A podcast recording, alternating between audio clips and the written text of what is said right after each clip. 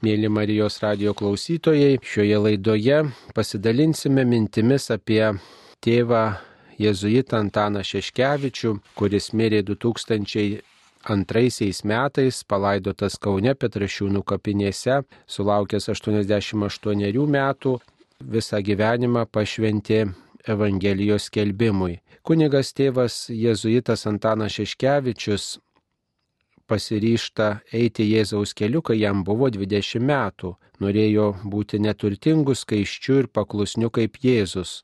Tokiu ir išliko visą gyvenimą. Kur kunigas gyveno, nesunku rasti. Visada prie jo namų būriuodavosi balandžiai, kambaryje augino kanarėlės. Kambarys paprastų paprasčiausias, be šio laikinių patogumų, neturėjo nei kilimo, nei minkštų fotelių ar sofos, tik kaimišką lovą, kietas kėdės, stalą ir knygas, kurios buvo ant sukaltų lentynų išdėliotos. Kunigas Antanas ir pats yra parašęs penkias knygas - dienoraštis lageriai, apmąstymai, tikrai yra Dievas, šventosios mišios ir penktasis Dievo įsakymas. Jas iš skiautelių perrašytas ir perspausdintas rašomąją mašinėlę perskaitė Rožė Poškienė, kuri sudarė knygą dienoraščiai. Tikrai kunigas Antanas stengiasi rūpintis įvairiausiais būdais, kad tik tai Evangelijos žinia, tikėjimo žinia būtų skleidžiama šiame pasaulyje. Kunigo Antano gyvenimas tikra įsikūnijusi meilė, kaip daug kas apie jį atsiliepia. Meilė aukščiausiaja, meilė žmogui, meilė visai Dievo kūrinyjei. Ir jokio savęs gailėščio ir pykčio, nors 37 metai, pasak kunigo Antano Šeškevičiaus pasmerkti, Maties praleido tuos metus įkalintas lageriuose kalėjimuose Bet ir čia kunigas Antanas Šeškevičius, jėzuitas, išvelgia viešpaties planą, kad ten lageriuose galėtų gaivinti pasmerktuosius Dievo malonę. Daug kas lagerį kalinti kunigą prilygino į paukštį, kuris čiulbant lūštančio šakos. Nors ir šaka lūšta, bet paukštis turi sparnus ir nepaliauja čiulbėti. Jo knyga dienoraštis lagerį alsuoja meilę gamtai, ir kurėjo šlovinimu. Štai net ir būdamas lageryje kunigas rašo, taigoje pavasaris grįžo varnėnai į savo lizdus, meldžiuosi, o špokas taip nuoširdžiai gėda, pavydžiu jam, jaučiu, kad jis nesiblaško, viską išpildo kaip Dievo paskirta, o aš vis kovoju su savimi, vėl nukrypstu, nors norėčiau kaip ir špokas visą prigimtim pagarbinti špokelis pralenkia mane. Štai spieguotas šventų kalėdų rytas taigoje, vietoj pasveikinimo pasityčiojimas. Bet kunigas turi pažeminimą ir panieką paukoti atpirkėjui, už nusikaltėlių nuodėmės ir džiaugtis, džiaugtis mažais dalykais. Šalta, žvirbliai ir balandžiai ieško pastogės, oras giedras, Pažemėje švelnus debesėliai, saulutė greit patekės, jau pauksuoti rytai.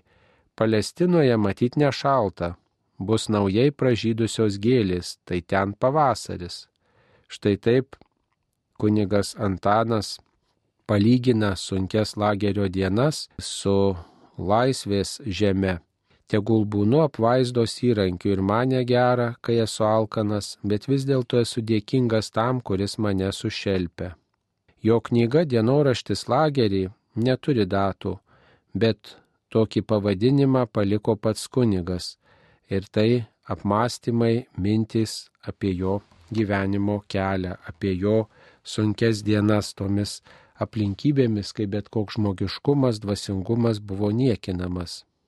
Dienoraščius apmąstymai rašė jau savo gyvenimo saulėlydį pradėti rašyti 1995 metais, balandžio 9 dieną, verbų sekmadienį, o baigti per Šventąjį Martyną, lapkričio 11 dieną 1998 metais. Jie ir susiję su metinėm šventėm bei šventųjų gyvenimo apmąstymais. Neišvengiama tam tikrų ir pasikartojimų, nes šventės kasmet kartojasi kaip ir šventųjų vardai.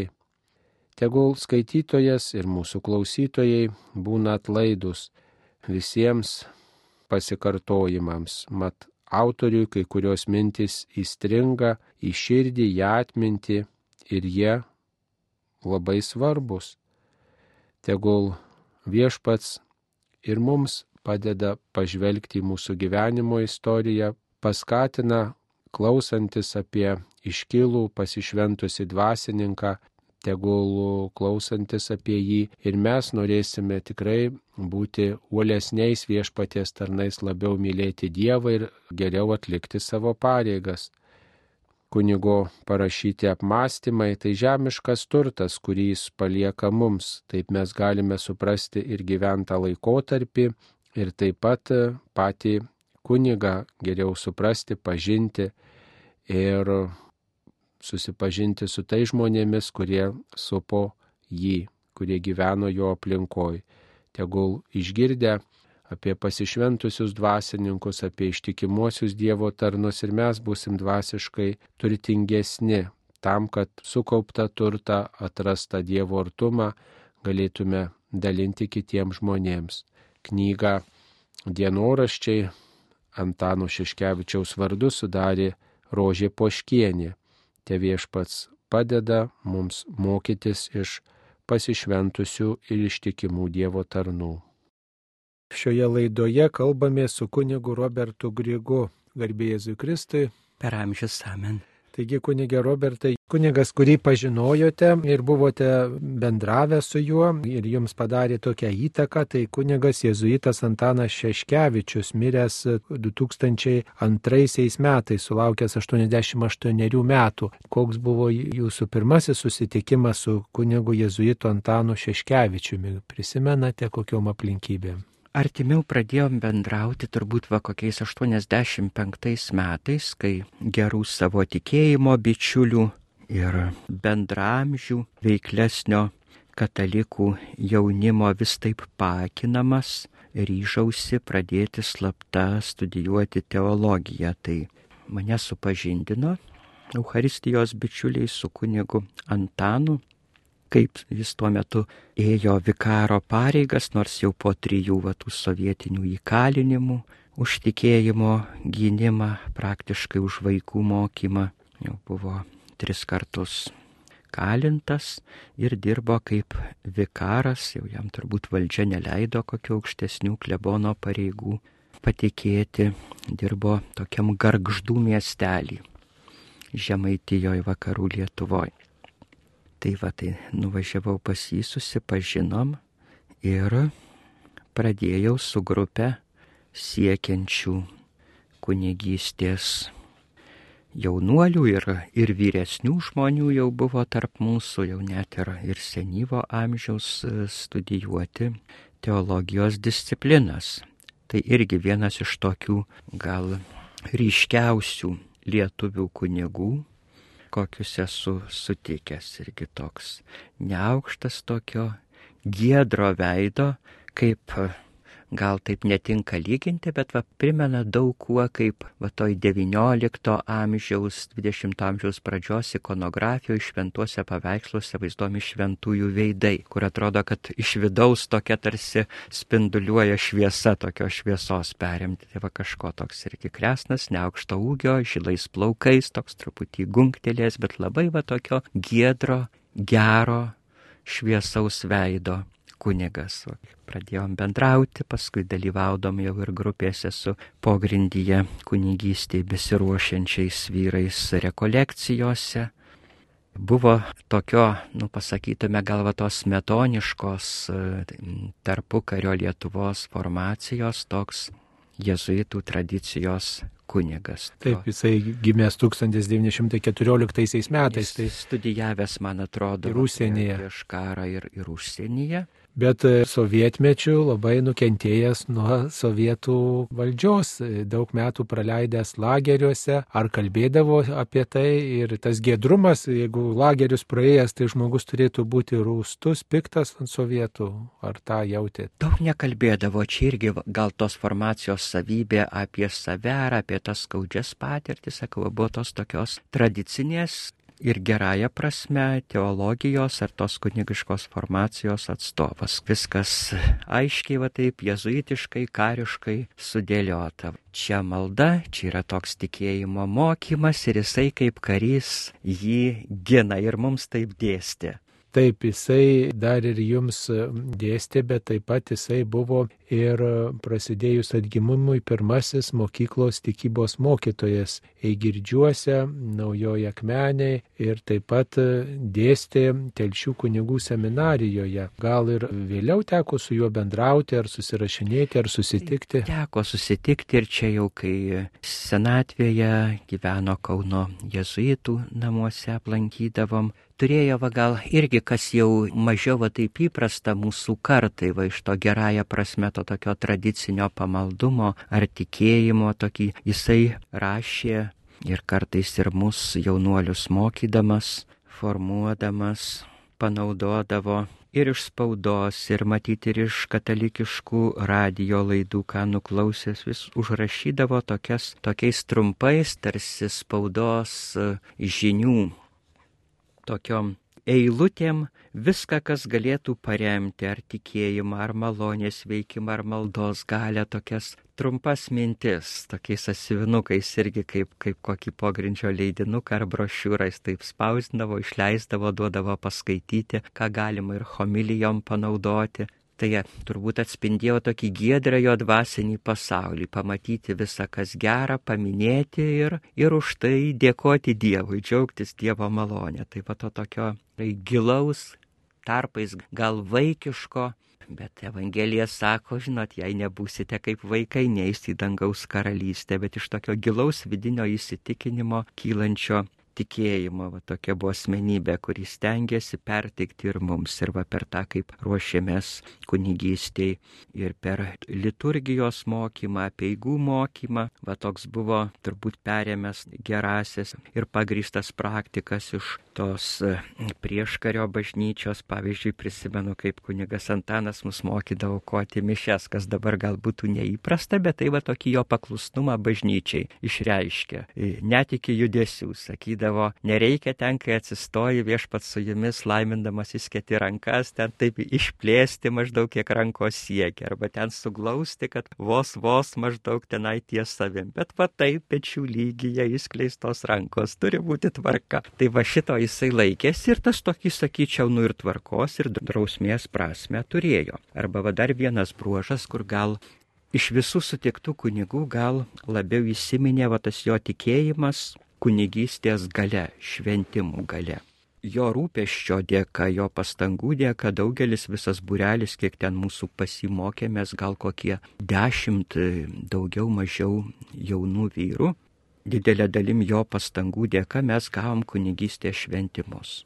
Ir jis taip ir mokydamas, ir vėliau, kai jau susitikdavom kaip kunigai, be galo pabrėždavo kunigystės šventimų reikšmę. Jeigu susitinkam kažkur ir būtinė aplinkoje pabendraujam, visą laiką jisai atsiklaupia, sako, atsisveikinant, palaimink mane, palaiminkit mane, kunigystės, pala, kunigo palaiminimas turi neįprastą galę. Ir iš tikrųjų truputį tas va taip versdavo susidrovėti, galvo aš čia esu jaunas vyras, o šitas tris kartu skalintas dėl tikėjimo senas žilas žmogus atsiklaupia prieš mane ir tu jį palaimink. Bet vaista tokį suvokimą, kad čia ne, ne dėl tavęs, bet dėl Dievo suteikto šventimų galios, tas yra labai svarbu. Beveik su ašaromi akise matai, kad tai tikra, kad tai nėra kažkokia jo poza. Jis visą laiką tą išreikštavo ir uždėti rankas, kaip supranti, palaiminį kalbos uždės rankas, jisai atverčia delnus, kurie šventimų metu, žinot, patepami švestais aliejais tavo delnus ir pabučiuoju. Tai va. Nors jau buvot ne pirmi metai kunigas. Ne, visada susitikus, va to tokio graudaus, tokio gilaus pamaldumo, tikėjimo Dievo per bažnyčią teikiamą gale, šventimais, sakramentais, maldos gale jisai kaip retas kas turėjo ir mums be abejo jauniems kunigystės kandidatams tą savo visą asmenybę perteikdavo. O tai gal jūs matė, kad jūs va švento gyvenimo kunigas toks narsus, ryštingas, viską. Kad man atrodo, jis su kiekvienu taip elgėsi. Nu va, o gal klausėt ir jo pamokslų, jo skelbiamo žodžio, gal apie tai galit kažką pasakyti, ar nuobodžiai kalbėdavo, ar įdomiai, jeigu rinkdavo visokias citatas, visokias Jis mintis. kalbėdavo tokiomis gal, tokiomis tezėmis, pasirinkdavo kokią nors vieną temą, ar Dievo malonės, ar bažnyčios veikimo pasaulyje, ar tikėjimo tiesų gynimo ir va iš to, ką būdavo perskaitęs, surinkęs, jautėsi, kad visiškai nesistengdavo, kaip kartais mes broliai kunigai, nu gal kitų prigimtis tokia labiau meniška, poetiška, kažką tai barokiškai išraityti, pasakyti, kokį nors tokį įmantresnį posakį, literatūriškai menišką, tai šito visiškai nesijautė, sakydavo tokius teiginius, faktus, trumpai juos apibendrindamas, vesdamas va prie tos pasirinktos temos išvados. Dievas myli, kad Dievas atleidžia, kad Dievo malonė veikia, va ir iš viso to, ką esu girdėjęs įsakant, kartais viena kokia mintis įsimena, kaip tai va jo įsiminė tokia mintis, nusėdo kažkur atminties dugne ir vis iškyla, sakydavo, kad didžiausias artimumas ar giminystė, kokia gali būti tarp žmonių, mums tokiu giliu įsitikinimu vis sakydavo, tai yra buvimas Dievo maloniai tokia gal nedrastiška mums, kurie taip vis tiek linkia prie savų, savo tautos, savo šeimos mintį sakydavo, sako, tas europietis, sakykime, kuris yra Dievo malonė ir tas afrikietis, kuris Dievo malonė yra, yra didesni giminės negu lietuvis, sakykime, kuris yra Dievo malonė ir kuris nėra Dievo malonė. Sako, šitie yra artimesni, tas ryšys yra stipresnis negu ten giminystės ar koks fizinio artimumo ryšys. Nu va, mintis, Tai kuri va- nesensta. Irgi, irgi va taip labai, labai jo tą vidinį tikėjimą išreiškia. Tikėjimas, kad dvasiniai dalykai yra svarbesni viršyje tuos išorinius ar prigimtinius. Jis Įvairiais būdais tavo savo pamoksluose ir tose galbūt išvalgose, kur prisirinkdavo iš spaudos, iš radijo žinių, vis taip tą patvirtindavo, užakcentuodavo. Jis buvo jezuitas, jezuitų vienuolis ir tą tokią formaciją praėjęs dar prieš karį, kaip sakant, tradicinę tokią formaciją, gal jo žodeliuose, jo pokalbiuose e, su jumis e, arba pamoksluose kažkaip atsispindėjo, kad jis yra ne tik tai kuningas, bet ir jezuitas. Gal, pavyzdžiui, rekolekcijas jums yra vedęs ar panašiai. Yra daug kartų vedęs rekolekcijas tam mūsų besiruošiančių kunigystiai kandidatų būreliui.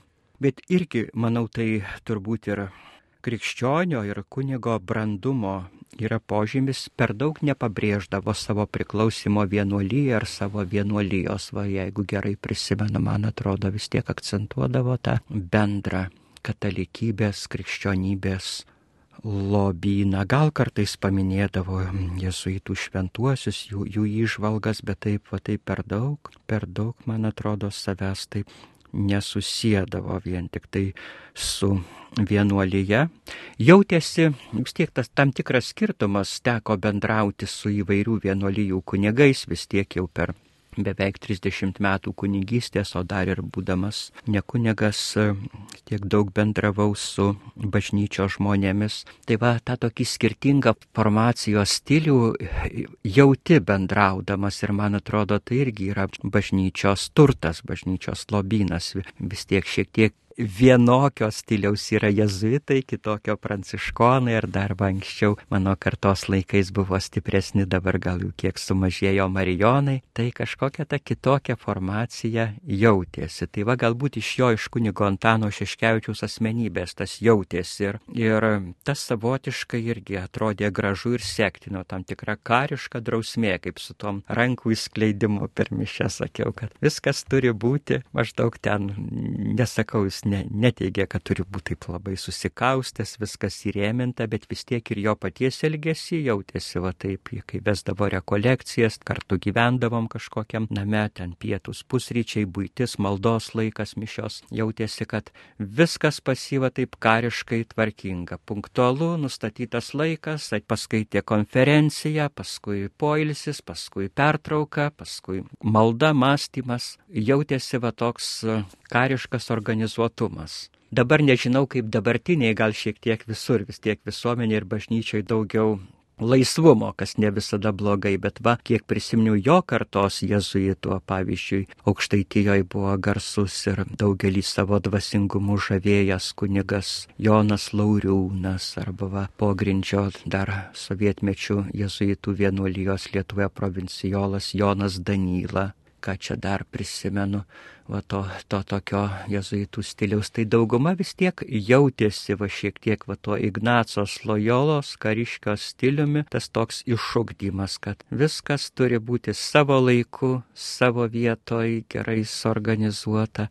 Ir tas, nu, iš tikrųjų jaunimą, linkęs ten kartais va taip laisviau pagyventi, sudrausmindavo, suorganizuodavo. Ne tiek, kad daryk taip, nedaryk taip, čia bus blogai, jeigu taip neselgsi, bet labiausiai va taip jų pavyzdys, kaip matai, kad va jie patys tai gyvena ir kad tai yra gražu, kad tai padeda organizuoti darbą. Tai va tas labiausiai darydavo įspūdį. O šiaip yra baręs dėl kažko, ar, ar kažkaip priekaištavęs, nes tas drausmė, tas tvarka tokia visada asocijuojasi su tokiu vat, principus, tokia mintim, kad ne, jeigu, pavyzdžiui, pažeidi, tai tada barą. Va, va čia va taip įdomu, kad ta jo tokia savidrausmė buvo labiau nukreipta į save, o kiek teko mhm. bendrauti, niekad, niekad tokio, na, tokio piktoko priekaišto, neprisimenu, kad būtų atsitikę. Vis tiek tai buvo va, toks ugdymas savo pavyzdžių labiau. Jis daug metų praleido. Net va tokio, kad, nu, kartai žmogus nepasako žodžių, bet jauti, kad jis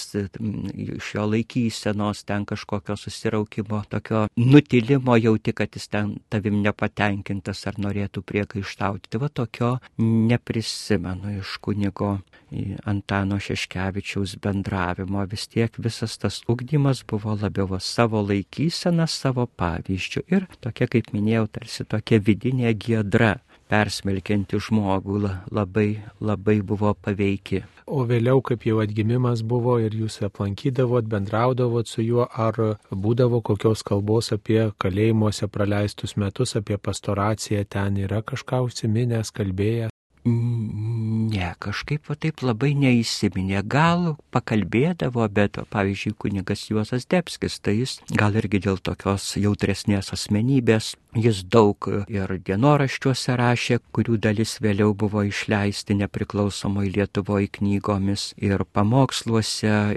rekolekcijose jaunimui dažnai paminėdavo savo kalėjimo patirtį, sutiktų žmonės, visokius tragiškus išgyvenimus ten tų nusikaltėlių sielos kovas, ar tai kaip, kaip netikėjimas Dievo praradimas paveikia žmogų, jo elgseną. Ir tokių tikrai gilių išvalgų pasakydavo, bet va kunigas Antanas kažkaip to labai neakcentuodavo. Bet iš kitų kunigų esu girdėjęs sovietmečių kunigas Antanas, kaip ir ne vienas lietuvis kunigas turbūt iš tokio atsakomybės jausmo dažnai važiuodavo ir patarnaudavo katalikams Rusijoje, tiems pavolgio vokiečiams, Kazakstane katalikams įvairių tautų, kurie buvo likę be kunigų, be mišių, be sakramentų, nes ten buvo daug, daug katalikų tradicijos žmonių, o kunigų vien, vienas kitas didžiuliuose plotuose. Tai va, jis tenai irgi važiuodavo, tas valdžios, aišku, būdavo laikoma, kad tai nusikalstama, nelegalu. Ten jeigu kuniga patarnaujant e, sugaudavo, tai visokių susilaukdavo represijų už tai. Bet tai aišku buvo kaip ištroškusiems vanduo ar alkaniems duona tiems tikintiems žmonėms reikalingi tie kunigų patarnavimai. Ten kartais kunigas atvažiuodavo į kokį miestelį, kur Kazakstane pas pavalgio vokiečius, pasklisdavo gandas per žmonės, kad yra kunigas, tai susirinkto minė žmonių ir ten iš karto turbūt ir dešimtis ar šimtus pakrikštydavo tų, kurie jau ten gyveno kaip poros, bet būdavo nesusitvarkę susituokę palaimindavo santuokas, žodžiu, paruoždavo pirmą išpažinčiai komunijai, žodžiu, būdavo jau ten kaip misijose to darbo kunigams. Tai esu girdėjęs iš tikinčiųjų ir va iš tų tokiuose misijų aplinkybėse gyvenusių katalikų, kad kunigas Antanas labai labai nuoširdžiai uoliai šitą veiklą vykdė, visą save atiduodamas tiem žmonėms ir jų buvo be galo gerbiamas, sako dažnai ten vatų, sakytume dabar diasporoje gyvenusių katalikų, dažnai ten vokiečių kilmės iš pavolgio ar kitų, jo paveikslėlis, sako, dažnai būdavo namuose trobelėse greta šventų paveikslų laikomas kaip švento žmogaus. Na, jisai e, net ir savo laiškuose yra rašęs, pavyzdžiui, savo vienuolijos broliui, tėvui Pranciškui Masiulioniui, viename laiške rašė, tuoj bus bausmės galas, lygaila, nes čia savo gyvenimą galima brangiau parduoti. Aišku, išorinis gyvenimas laisvėje malonesnis ir žmoniškesnis, bet čia gal dieviškesnis, nes gyveni iš tikėjimo ir kaip žvakė degi prie tabernakulio. Auka norėčiau atmylėti už laiką, kada jo pakankamai nemylėjau, atmylėti už tuos, kurie dabar jo nemyli, nelaisvę išprašyti bažnyčiai laisvės. Tai, na, va, tas jo pasišventimas net lageryje paštalauti, kad ir kaip jis rašo, katakombinių būdų, kai daugelis renkasi būti tuo kairiuoju latru, kuris, reiškia, šalia Jėzaus du latrai buvo nukryžiuoti du plėšikai. Vienas iš kairės pusės, kuris plūdosi, tai sako, kalėjime daug kas renkasi va to besiplūstančio plėšiko dalę. Reiškia, plūstasi ant Dievo, ant tikėjimo, sako, o taip norėtųsi, kad rinktųsi gerojo plėšiko dalę kelią, kad vat, kenčia žmonės, bet kad kreiptųsi Jėzų ir prašytų jo pasigailėjimo. Tai tokios mintis iš jo pastoracijos e, e, ir sako, melskimės už kalinius, e, aš tikiu, kad ir mano paprasti darbai dėl Jėzaus gėda Dievui su angelais šventas šventas. Tai čia ir jėzuitiškas tas dvasingumas atsiskleidžia, kad visur, kur visame kame Dievą sutikti ir kartu tas mažasis kelelis teresėlės, kad ir maži darbeliai su didelė meilė padaryti gelbsti pasaulį. Tai turbūt gal ir šito mokytis iš tėvo Antano Šiškevičiaus. Mm, tai labai būdinga jo dvasiai. Nežinau, kiek išmokau, bet šito jisai labai, labai įtikinamai mokė. Mėly Marijos radio klausytojai, šioje laidoje apie savo gyvenime sutiktus kunigus kalbėjo kunigas Robertas Grigas.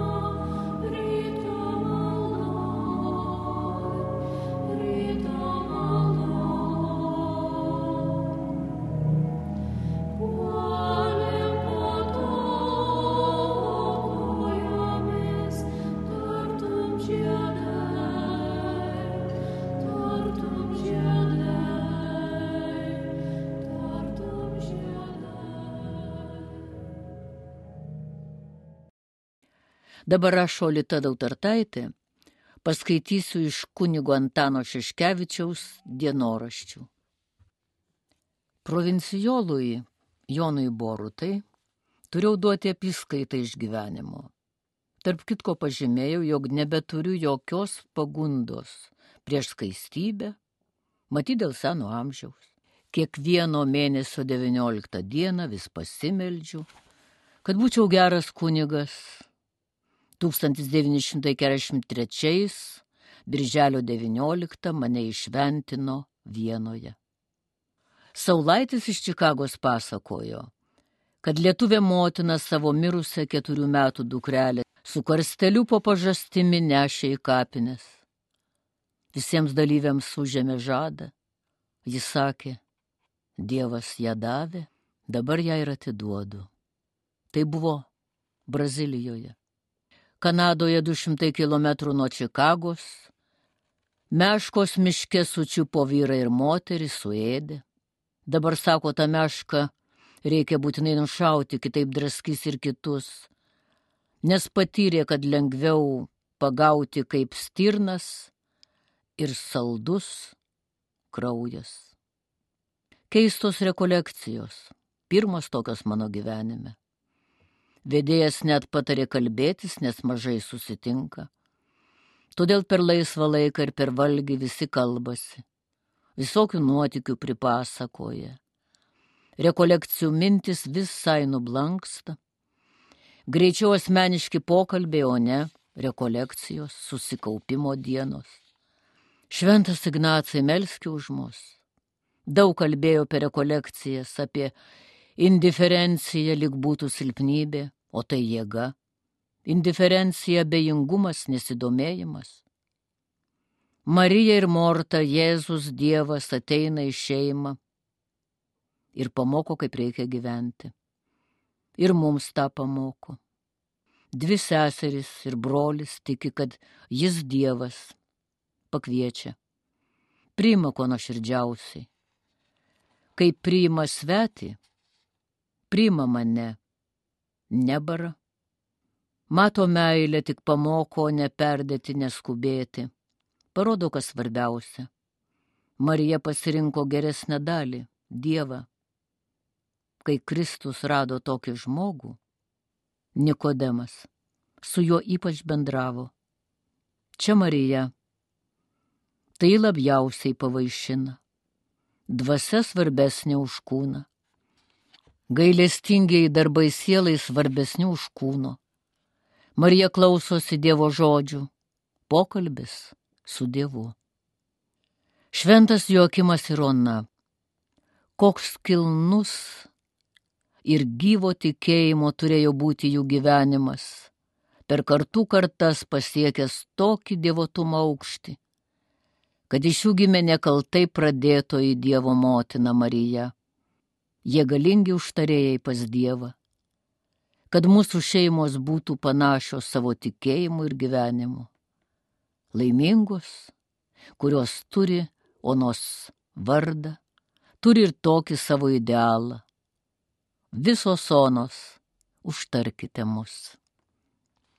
Viskupas Vaičius per kitą kunigą paprašė, kad aplankyčiau jo pažįstamą ligonį Žardininkų gatvėje po šventų mišių ir nuėjau. Sėdė lovoje atsirėmęs į sieną, inkstai netvarkoje, nieko neskauda, tik silpna. Su viskupu kartu mokėsi mokykloje. Dabar baigęs aukštuosius mokslus, dirbęs 30 metų, staiga kovo mėnesį priepolis. Laimingas, kad turiu labai gerą žmoną, kuri man mielai padeda. Gražiai atliko išpažinti, paaiškinau, kad jo lygos kryškelis yra tasa Jėzaus kryžiaus už dabarties žmogaus išganimą. Milijonai Kristaus narių tęsia tą kilnų darbą dieną ir naktį. Daug kas ir jums dėkos, kad padėjote dangų pasiekti, taip įprasminate savo lygą, amžinai laimėdamas savo ir kitiems suteikti sakramentai kaip tik pašventina lygą. Pats Kristus tęsia kančią savo nariuose. Viskų pasakė, kad jis vis atidėliojo išpažinti. Dabar prisiminė, suprato kančios vertę visuomeniai. Ėjau po 8 ir 24 vidurinės mokyklas, kuriuose dėščiau religiją. Meldžiausi už juos kad pasimatytume danguje. Ir palaiminau. Aplinka labai graži, prūdas su švendrėmis, plauko laukinės antis ir kiti paukščiai, o mažiai tik čiulba, čiulba. Linksma jiems ir žmonėms. Tėvas džiugina savo kūrinius, juos maitina. Gulbės išskrido, Pirma bureliai baltavo. Viskupas rūpinas ir savo mokslo draugais, kaip gerasis ganytojas. Ligonis tai kunigo Kauno brolis. Jis dabar atvykęs iš Kalifornijos. Ligotas, nebelaiko mišių. Salutė šviečia ir šildo, prie namų daugybė medžių, puošia ir teikia pavėsi. Tėvas rūpinasi savo vaikais Kviečia jam žina tėvynę, maitina paukštelius.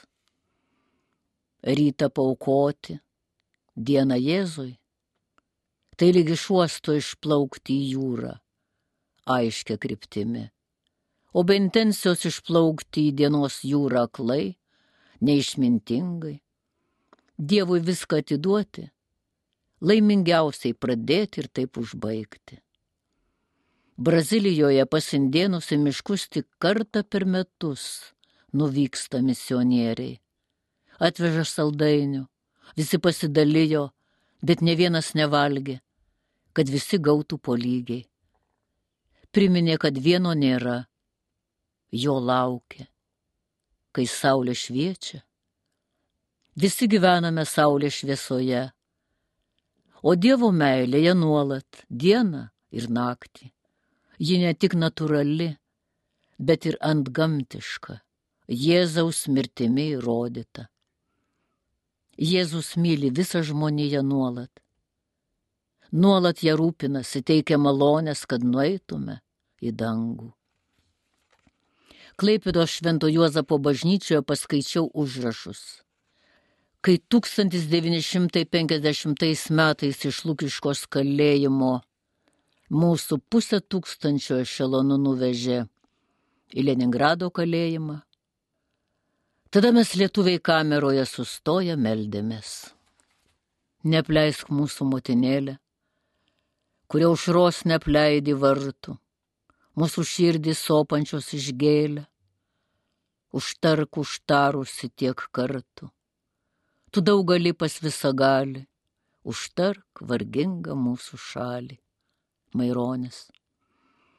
Tada mes buvome Sovietų sąjungos bedieviškos valstybės, nukariavusios pusę Europos kaliniai, pasmerkti 25 metus kalėti Vorkutoje. Mūsų viltis buvo užros vartų Marija. Po 45 metų Klaipėdoje iškilmingai pripažįstu, Žiūrėkite, kaip Marija išklausė. Jau praėjus visus lagerius, tremimus, jau laisvi, tėvinė laisva, o galingasis komunizmas seniai subirėjo, Europa laisva. Bet dieviai prakišo, mes su Dievu gyvi ir laisvi. Ačiū tau, Marija. Ačiū tau, galingasis Dieve Jėzau. Koks geras ir gailestingas. Be Dievo toli nenueisi pasitikėkite ir kalnus nukelsite. Kristus atsimainė žavingesnis už viską.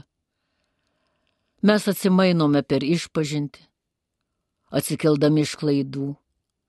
Jėzus sudėvina mus ir darbus.